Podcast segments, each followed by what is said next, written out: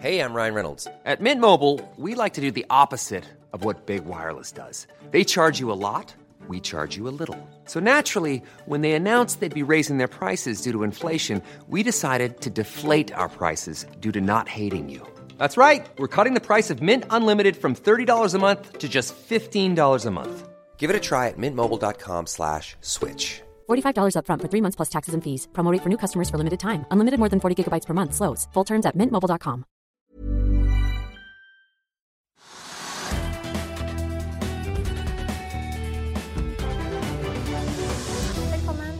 Økonominyhetene i dag, fredag. Vi skal se nærmere på hva som skjer på Europa-, Asia- og USA-børsene. Vi skal også snakke om uh, uken oppsummert, vi begynner her hjemme på Oslo Børs. Trygve, opp en halv prosent akkurat nå. Hva er det vi kan se er driverne i markedet? I dag er det rimelig enkelt og klart, fordi eh, vi ser at oljeprisen har gjort et hopp i går. Så oljeprisen var, altså Brentoljen var opp nesten i 50 dollar per fat, og så har den falt litt tilbake. Men det syns markedet var kjempefint, og da tenkte man det at liksom da kanskje oljeprisen fortsetter opp også. Og så har vi da sett at Equinor, oljeselskap, har vært opp 3% i hele dag, og eh, Aker BP har vært opp 5% Det er veldig store eh, kursendringer eh, for de selskapene, basert på den kanskje marginale endringen i oljeprisen. Men de henger sammen. De er oljekorrelert, de to selskapene, og de stiger i dag fordi oljeprisen stiger kraftig. Og vi ser også da, For å underbygge så ser vi at DNO, også en oljeselskap, stiger 5% Og det er også litt bevegelse i en del oljeserviceselskaper. slik nå, i dag kom oljeprisen opp. Litt mer enn noen hadde tenkt seg. Eh, Litt over det jeg hadde tenkt meg også, faktisk. Og det syns markedet er så, såpass bra at de da kjøper da de aksjene som har med olje å gjøre. Til tross for at det vi fikk av OPEC pluss i går, var blandet drops. Ja, det var litt merkelig, for nå skal man ikke så villig innrømme at man ikke skjønner alt. Men, men eh, det er jo slik at da, det, det, spørsmålet innen OPEC og OPEC pluss har jo vært da om de skulle da lette opp de, altså de har kuttet ned produksjonen, og som de skulle øke. Og hvis de øker produksjonen, så vil jo da på en måte tilbudssiden bli større. Og hvis etterspørselssiden er konstant, alt, alt annet like, så skulle jo det da faktisk da føre til at prisene sank. Det som skjedde, var det at OPEC ble enige om da å øke produksjonen med 500 000 fat per dag nå i en måned. Ikke et halvt år eller et kvart år, eller sånn, men en måned. Og Da øker man produksjonen, og da skulle man altså da tro at prisen gikk ned, men den gikk opp. Men kan, kan, den det, det kan ikke jeg klare å forklare. men kan oppgangen i oljeprisen ses i sammenheng med denne voldsomme vaksineringen vi nå tror vil skje i store deler av eh, i hvert fall Europa Ja da, i sammen. begynnelsen av januar? Ja, det henger litt sammen. Og så kan det også være at grunnen til at da, mot logikken, at da oljeprisen stiger når da produksjonen skal økes, det kan også være det at den avtalen OPEC-landet nå inngikk, den gjelder bare én måned, nemlig januar. I januar skal de da øke produksjonen med olje med 500 000 fat per dag. Ikke februar, mars, april. Det skal de se på siden. Og det kan godt tenkes at markedet tenkte ok, nå tuller de bare litt igjen. ikke sant? Nå øker de produksjonen litt, og så viser det seg at de får ikke til, og prisen faller for mye. Og så kutter de produksjonen igjen, osv. Så, videre, så at markedet tenkte kanskje, jeg vet ikke, jeg har ikke peiling, at i og med at dette vedtaket bare gjelder for én måned, så er det usikkert hva som skjer. Og da tok de sjansen på at siden kanskje de kutter igjen. kanskje. Du har jo allerede nevnt Aker BP, men det er jo en rekke Kjell Inge Røkke-selskaper som dominerer på Oslo Børs i dag. eh, Også disse nye, nykommerne Aker. Vind og Aker eh, Karbon. Aker. Offshore Wind og Aker Ja. Carbon Capture. ja. Ja. Ja, Begge har fått positive analyser. Det er på vind- vindsiden så er det Pareto Security som har tatt opp dekning av aksjen med kjøpsanbefaling og kursmål på 10 kroner. Jeg mener aksjen står litt over 6 eller nærmere 7 kroner akkurat nå. Mens Carbon Capture får eh, en, blir tatt opp av dekning av Sparebank1 Markets med, en, med et kursmål på 16 kroner. Og der står vel aksjen litt over 5 kroner. Ja, altså de, de selskapene er, de, Man sier at det er grønne selskaper. Det er Røkke-selskaper. Han finner på noe smart hele tiden. Disse er jo skilt ut fra Aker Solution tidligere. Og det kommer sikkert andre endringer. De kjøper nye selskaper eller går i fusjoner med andre eller gjør gjør noe smart hele tiden. Så at de er veldig positivt anbefalt, fordi at Røkke pleier å finne på smarte ting. Men det er ikke sikkert at det er særlig inntjening i de selskapene ennå. Men når vi er Det inne er på det nemlig ikke. Nei, for når vi er inne på smarte ting, så er det en aksje som stiger 27% i dag, Trygve, og det er Element. Eh, hva kan vi si om eh, Element akkurat nå? Er det smart det vi ser skje med at en rekke kjendisinvestorer kommer inn i aksjen og de kjøper opp et kryptoselskap? Ja, det, altså Jeg er ikke helt sikker. Altså, vi har sett på det for, ja, Hvis du går tilbake et halvt år, et år, så var det sånn litt spekulativt selskap. Det var, det var et skall igjen av et selskap som eide da mineralforekomster. Eide mineralforekomster Som de da skulle da på måtte ha som reserve. De skulle kjøpe opp masse rare andre selskaper i nisjesektorer. Blant annet skulle de da kjøpe kryptoselskaper og drive et kryptoselskap. Og så skulle panten eller verdien i kryptoselskap For normalt kryptoselskaper er- de har jo ikke noe verdi, de svinger opp i, opp i det blå. Eh, så det, I motsetning til alt annet, altså det er ikke noe metaller bak i no, no, normalt. Enten det er gull eller eller aluminium, eller, eller aluminium. Men de hadde da en mengde mineraler langt nede i bakken i, i områder de eier. Og så skulle de bruke da, det som pant da, i disse kryptoselskapene sine. Det er det siste jeg har hørt om dem. Men nå plutselig så kommer det en melding om at, at den investorkretsen rundt Spetalen ja, det er vel Arne Blystad ja. Kjetil Skorstad og Christian Lundqvist. Ja, men Ikke gjengen, men investorkretsen. Ja. De da, var med på en, en, emisjon i går, tror jeg, på 60 millioner. Fillebeløp. Jeg tror det var 30. Jeg var 60, 60 millioner. Var det 60 millioner? Ok, det var et lite fillebeløp. Men kursen gikk 50% med en gang. Eh, det gikk da fra 60 til 90 kroner. Så da investorene fikk da en oppgang på 50% eller sånn nå, i løpet av én dag, det er jo rimelig bra. Så kan man spørre hvorfor er det der. Skal de gjøre mer? Har de andre selskapene tenkt å kjøpe opp gjennom Element, eller hva det måtte være? Så jeg kan ikke nok om det. Det er ikke kommet noe informasjon. Det har kommet informasjon om emisjonen, som var rettet mot uh, Spetalen og gruppen. Og etterpå var det en reparasjonsemisjon også, slik at de gamle aksjonærene også fikk tegne litt aksjer. Uh, men hva som skal skje og at de har kjøpt et kryptoselskap. Ja, og det kan jeg ikke noe om. Så, uh, så poenget er at det, det, var et skall. Det har kommet gruppen Spetalen. Da blir det spenning med en gang. Og da, her gikk kursen av 50% på én dag. Så det er nye, nye, penger, nye millioner til Spetalen og Arne Blystad. Ja, og så er det da fart i luftfart, hvis man kan si det sånn. Eh, I går fikk vi nyheten om at Ryanair de kjøper jo fly Altså, Har Ryanair begynt å gjøre det rederne gjorde i gamle dager, når det begynte å se positivt ut i horisonten? Altså, En enorm mengde nye fly.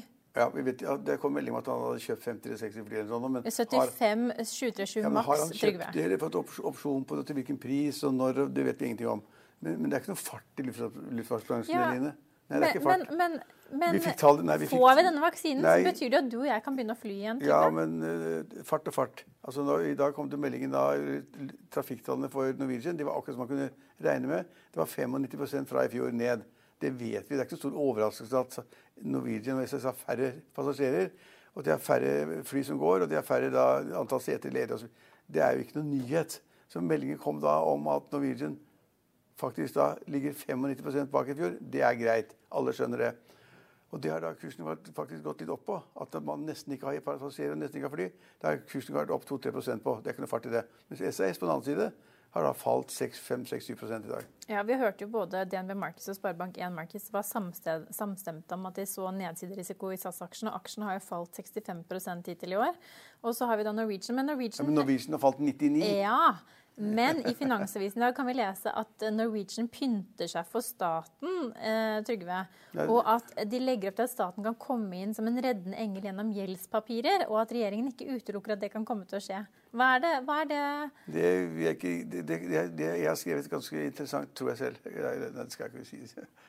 Men akkurat problemstillingen er veldig spennende og interessant. Hva som skjer med Norwegian, og hva, hva konsernsjefen og styret gjør. Eh, og statens rolle og det. Og det er skrevet om i Finansavisen i morgen. Så der gir jeg svar på hva jeg mener hva de skal gjøre. Så da kupper du liksom bare det jeg ville snakke om, og så tar du oss rett over til det som vi kaller ukens oppsummert? Ja, ja, ja, ja for Nobilsen kan du lese om i morgen hva jeg syns om det. Ja. Det er en god løsning. Ja. Så over til ukens Håvard Hareide leser det. Nei, nå må du la meg få fullføre. Håvard Hareide leser det.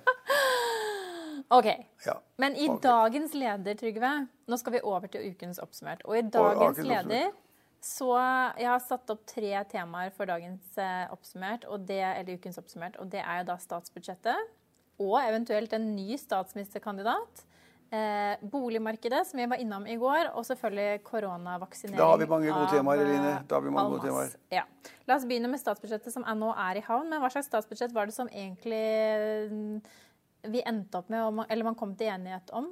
Som har kommet til enighet om et ganske bra budsjett. Altså, statsbudsjettet er jo stort. Det gjelder alt vi driver med. Samferdsel, eh, sikkerhet, politi, forsvar. Eh, alt mulig rart. Og man da, Men hele avslutningen på dette, denne seansen med statsbudsjettet var jo da det at man måtte ha flertall for det i Stortinget. Og regjeringen har ikke flertall uten Fremskrittspartiet. Det vet alle. Så det var, liksom, det var ikke noe big deal at det ville bli til slutt en avtale. fordi at Fremskrittspartiet kunne ikke forlate regjeringen. De gjorde det altså i begynnelsen av året. Og nå heller ikke da delta i avslutningen på statsbudsjettet og ikke godta det. For da vil jo regjeringen ikke ha noe flertall i Stortinget, og så vil man få kaos frem til valget. Og det tror jeg da Fremskrittspartiet vil, vil bli straffet ganske hardt for. Så det turte de ikke. Og det ville ikke. Noen i Fremskrittspartiet ville men det, det turte de ikke. Og de kom da med en rekke krav om da få bort avgiften på sjokolade, få bort avgiften på brus og få bort litt lavere avgift på, på, på snus og sånne surregreier.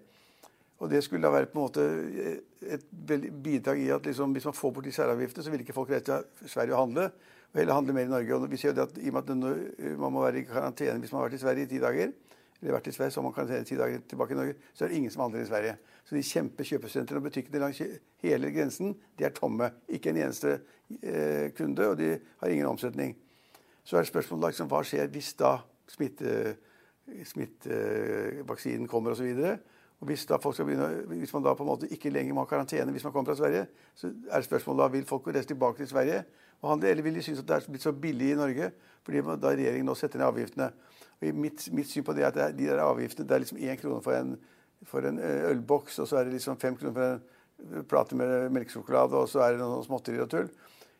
Nordmenn, når du reiser med faren og moren din og sånt til Sverige og handler, så fyller du opp bilen så er jo det, da får dere kjøper alt annet, annet også. Det er røyk og kjøtt, og det er kyllingvinger, og det er øl og vin og sukkertøy. Det er alt mulig. De, de, de lettelsene som kom nå det er, de er bitte små.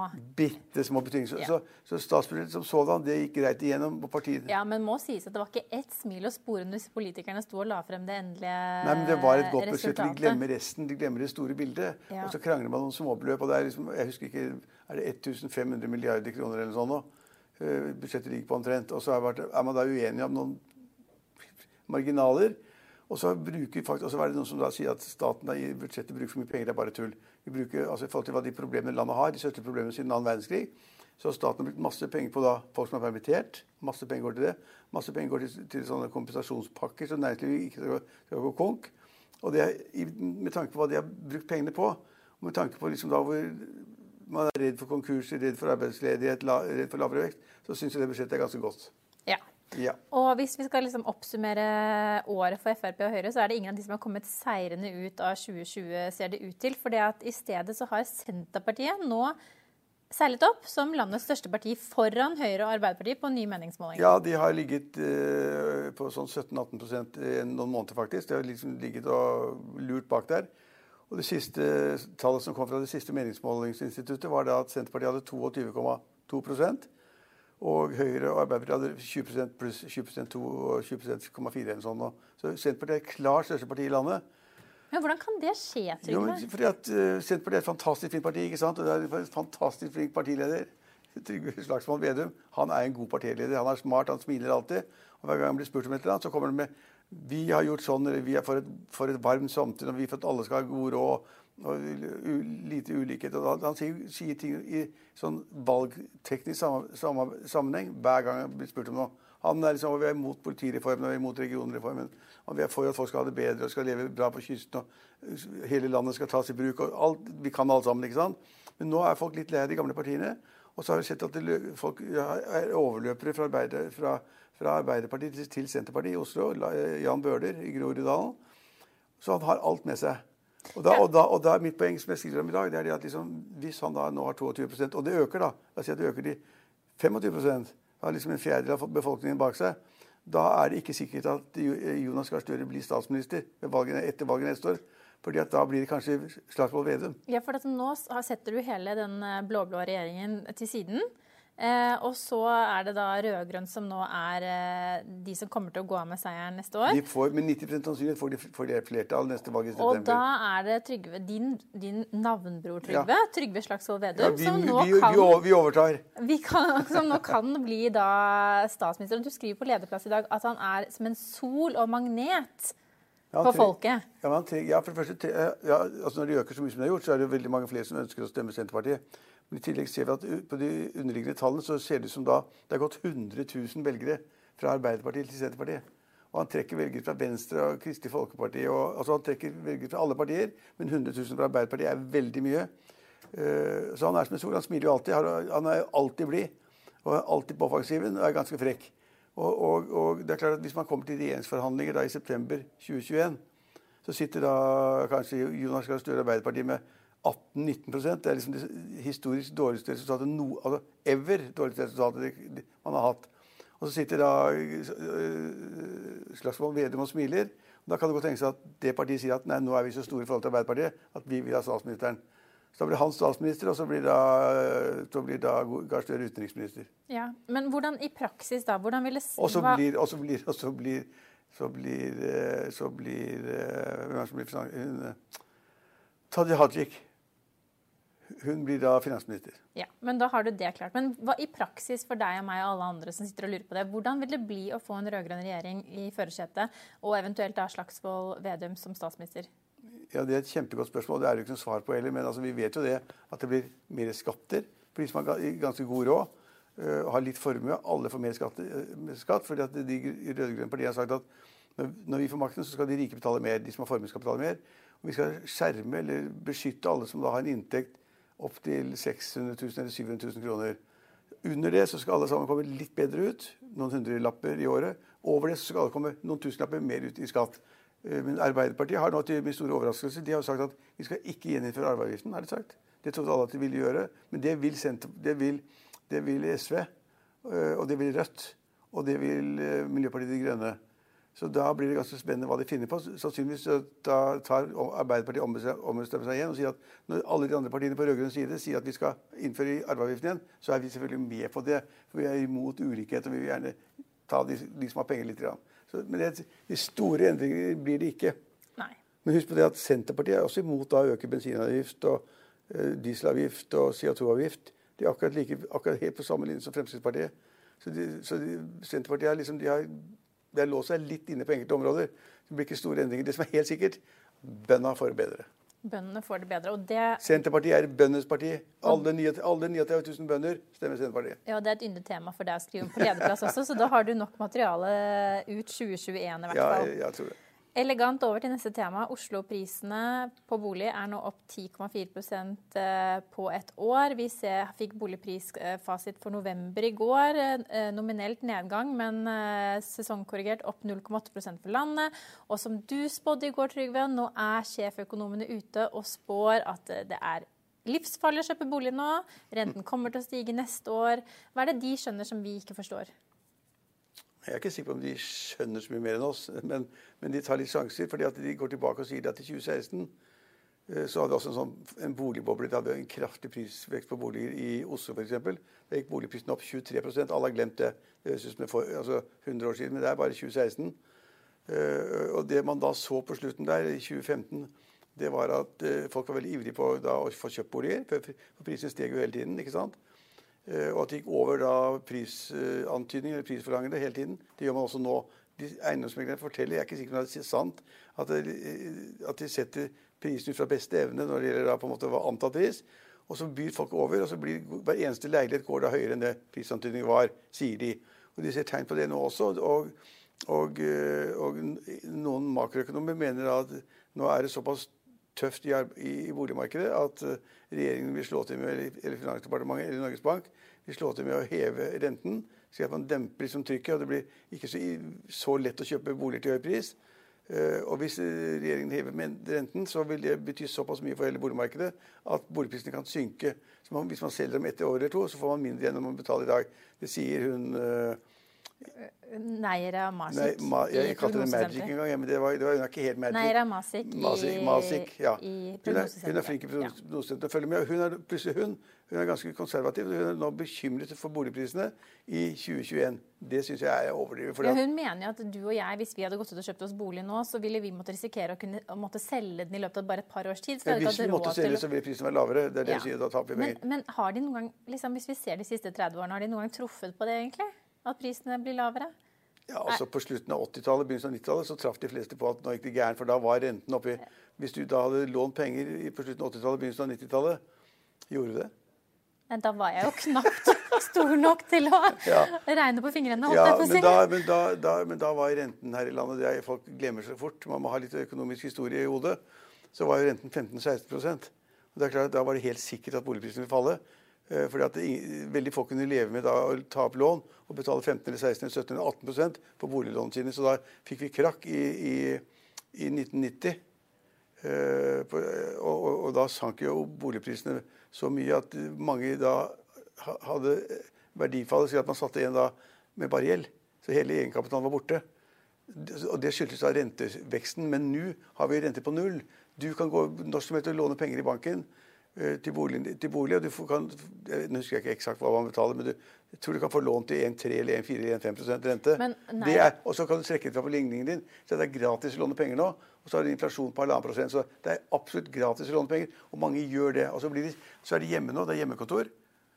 Så har de kanskje en liten liten leilighet, og så syns de det at det blir litt for liten leilighet når de tar ene barnas soverom til kontor. Og så har det litt knapt, og så begynner jeg å tenke hm, skal vi kjøpe en liten bolig som er litt større, for nå trenger vi mer plass. Vi kommer til å være hjemmekontor ganske lenge. Og så er de ute i markedet. Og så er de på kjøpersiden, og da har de liksom presset prisene opp. Og jeg tror at det kanskje kommer til å fortsette. Men, jeg tror, men disse makroøkonomene som vi snakket om, de, de Millions of people have lost weight with personalized plans from Noom, like Evan, who can't stand salads and still lost 50 pounds. Salads, generally, for most people, are the easy button, right? For me, that wasn't an option. I never really was a salad guy. That's just not who I am. But Noom worked for me. Get your personalized plan today at Noom.com. Real Noom user compensated to provide their story. In four weeks, the typical Noom user can expect to lose one to two pounds per week. Individual results may vary. I'll see you in court. Vi sier det ofte litt på spøk, men for deg som driver business, er det aldri moro å innse at du ikke har laget en 100% gyldig kontrakt. Du bør ikke risikere hele firmaet ditt fordi du synes dette med kontrakter er litt stress. En avtale er ikke en avtale. Du kan miste kunder, miste venner, ja, til og med miste inntekter om du ikke lager en skikkelig kontrakt, på alt mulig, egentlig. Men vi vet det er et styr. Kopimaskiner, tregprinter og haugevis av papir. Dessuten stoler vi jo på folk her i landet. Det er ofte litt kleint å skulle be om en signatur for alt mulig, ja, for mye av styret handler også om jakten på underskriften. Det finnes en enkel måte å løse dette på, Dukkobit, en trygg, effektiv og get this, gratis måte å sikre seg en god natts søvn pluss en juridisk bindende avtale. Dukkobit-appen har de strengeste sikkerhetskrav i bunn, samt en EU-godkjent og sertifisert teknologi. Framover vil det bli behagelig å spørre du, skal vi skrive under på det, eller? Kom i gang på dukkobit.no. er rimelig sikker på, eller tror ganske sterkt, at renten skal opp til neste år. Det tror ikke jeg. Det tror ikke du heller. Nei, jeg, jeg syns jo det er vanskelig å se for seg akkurat nå. Men vi, vi får jo altså Norges Bank, selv om det kanskje ikke er eh, Det kan, det kan ha de andre ting å stri med akkurat nå og sitter og regner på koronaeffekten.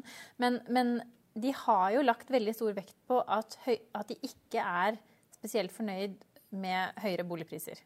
Ja, men det, det sier de nesten alltid. Og, det er helt klart at eh, en prisvekst i Oslo på et år nå på 10 er mye. Det er en høy prisvekst på bolig, men det er ikke da fordi at noen sitter og tryller tuller. Det er fordi at det produseres for lite boliger. Er, hvis du sier at i Oslo skal vi produsere 3000 boliger da, til neste år Jeg husker, ikke- jeg, husker ikke eksakt tallene, men kanskje det. Men så er etterspørselen 6000. Hva skjer da med prisene? Ja, da vil Du stige. bør jo ikke gå på handelsskolen for å skjønne det. Nei da. Nei. Kan gå på BI og si.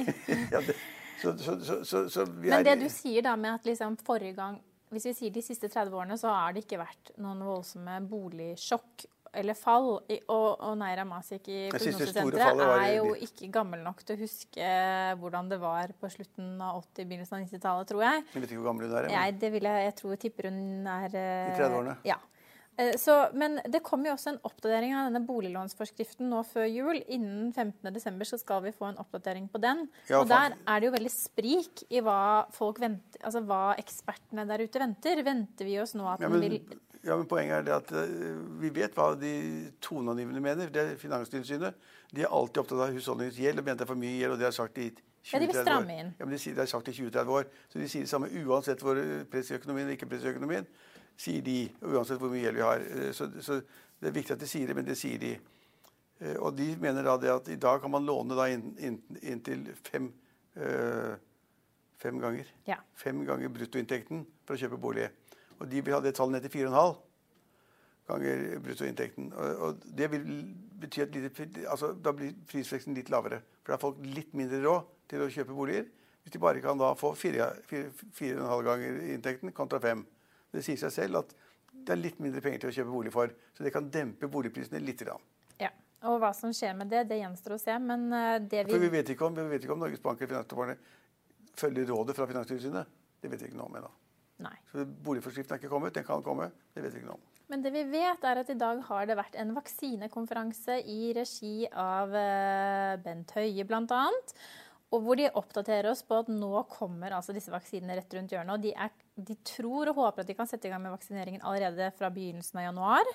Det er kjempebra. Og byene skal prioriteres. De håper å få vaksinert 70% av risikogruppene og Oi. helsepersonell med, først er de gamle, og så helsepersonell. ja, med pasientkontakt. Ja, jeg tror jeg er langt ned på Du er Du er, litt høyere opp på listen.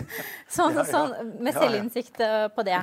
Men, men ehm, Bent Høie sier da i dag at vi kan få en helt annen påske enn den vi hadde i år, og en mer normal sommer i 2021. Ja, Man sier så mye rart. Han har jo blandet seg opp i alt mulig rart. Du sitter til høyre eller venstre på bordene i restauranten og hva de skal gjøre. Altså, At han orker. Han sier så mye rart. Eh, Men hvis han sier at det kanskje blir et lettere liv til neste år, så er det sikkert riktig. Fordi at hvis Nå faller altså tallene for da den berømte R-en som sier da liksom hvor mye en som er smittet, smitter andre. Den var jo da Bare for to-tre uker siden så var den 1,2 til 1,4 i Norge. Nå er den under 1. Nå er den kanskje da 0,8-0,9. Om en uke eller to uker så er den på 0,6-0,7. Da er vi liksom over kneika for lenge siden. Og fordi vi nordmenn er ganske omtenksomme, følger reglene som regjeringen kommer med, tenker på hverandre, så vil vi fortsatt være litt forsiktige med å gå i restaurant hvor det er helt tett. Vi vil være forsiktige med å gå med store arrangementer, idrett eller annet hvor det er helt tett. Så vi vil, jeg tror at vi får et helt annet smittebilde og, fremover. Og da kan vi gjøre mer, som han sier. Da får vi en annen påske eller en annen sommer. Det tror jeg er helt riktig. Men, tar, og, men spørsmålet er liksom hvor fort åpner de opp i resten av Europa? Hvor situasjonen er mye verre enn hos oss, enten det er Italia, Belgia, Frankrike eller Amerika. Los Angeles. De amerikanske tallene har aldri vært dårligere. Så på tallene i går. Aldri vært flere smittede på en dag. Aldri vært flere som dør på en dag.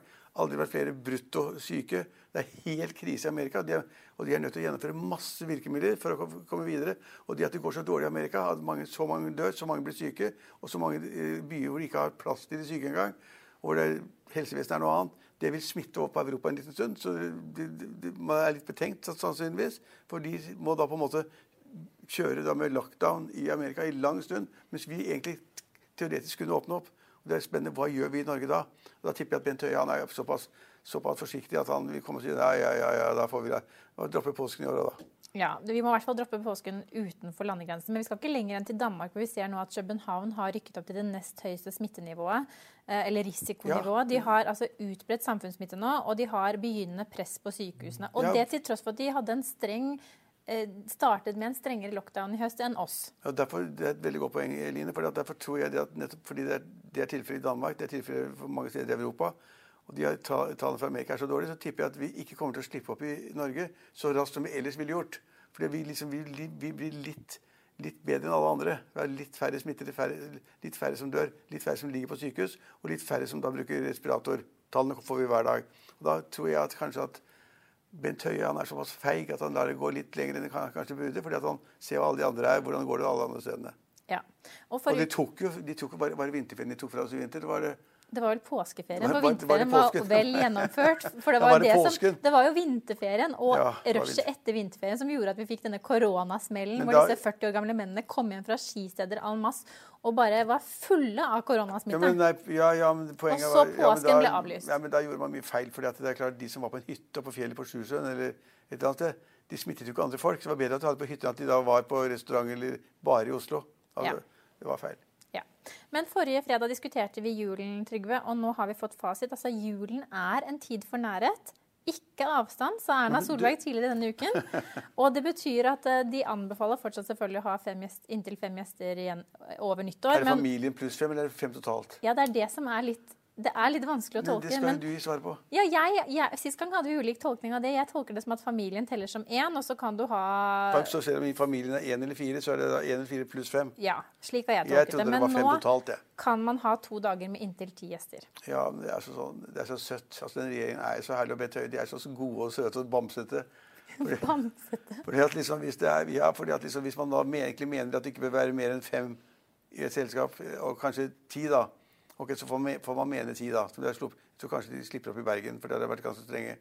Men når de da sier at ok, det er julaften, skal dere få liksom være ti mennesker, og nyttårsaften ti mennesker, så er det liksom sånn ja, er Men ikke ti mennesker hver dag. Kun to anledninger? Ja, to anledninger så er det, det er ikke noe fag, eh, fag eller helseøkonomi å gjøre. Det er sånn ja, bam, ikke- bamse, bamsepolitikk å være søte mot folk og si at se hvor snille vi er. Vi er strenge ellers, men vi er snille vi er strenge strenge når det gjelder bare restauranter, hoteller, alt som har med det å gjøre. Koronahotell. Men når det gjelder, når det gjelder nyttårsaften og julaften, så er vi regjeringens Det er vi landets bamser. Ja, og så er de litt naive når de sier at det må være alltid en meters avstand på disse juleselskapene mellom de som ikke bor sammen, både når Ja, man spiser men, jeg, men det tror jeg folk faktisk gjerne vil følge. For at Ja er... da. Vi vil jo ikke bli smittet. Vi vil, vi har færre syke.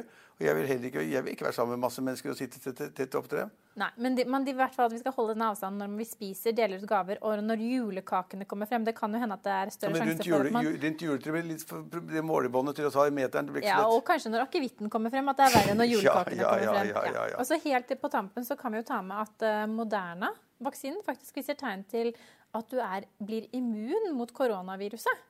Oi, det var fantastisk. Mer, altså, Du blir immun for resten av livet. Ja, ikke ti år eller de fem har, år. Det er ikke to streker under svaret, men de altså tidlige Da tar jeg Moderna er istedenfor Pfizer, Pfizer. som vi ligger an til å få.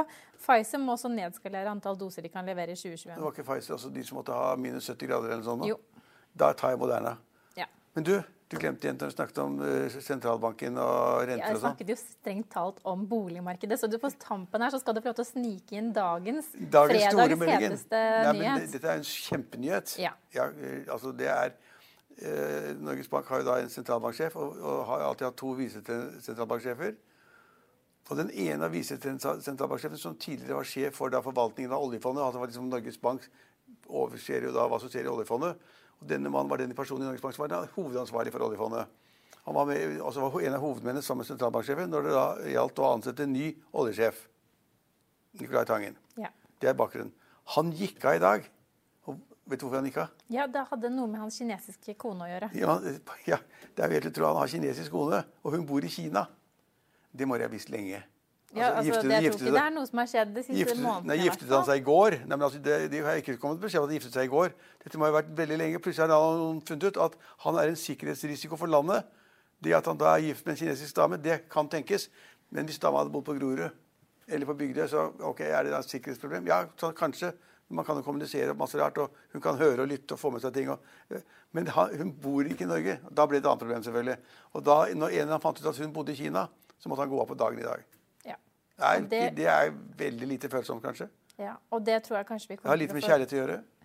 Ja, du liker jo helst at jeg runder av uken. i- med, men, men jeg trengte ikke gjøre det denne uken, for denne, denne uken har den bamsede regjeringen uh, Ja, gjort nå er det bare eh, varme, og- varme og kjærlighet rundt oss også. Ja. Men regjeringen de bytter ikke på sånt. De sier bare 'du må gå. Han gikk av på dagen. Ja.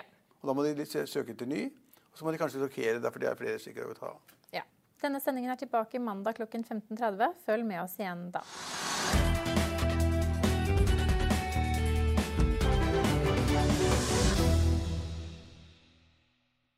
Økonominyhetene er en podkast fra Finansavisen. Programledere er Marius Lorentzen, Stein Ove Haugen og Benedikte Storm Bamvik. Produsenter er Lars Brenden Skram og Bashar Johar. Og ansvarlig redaktør er Trygve Hegnar.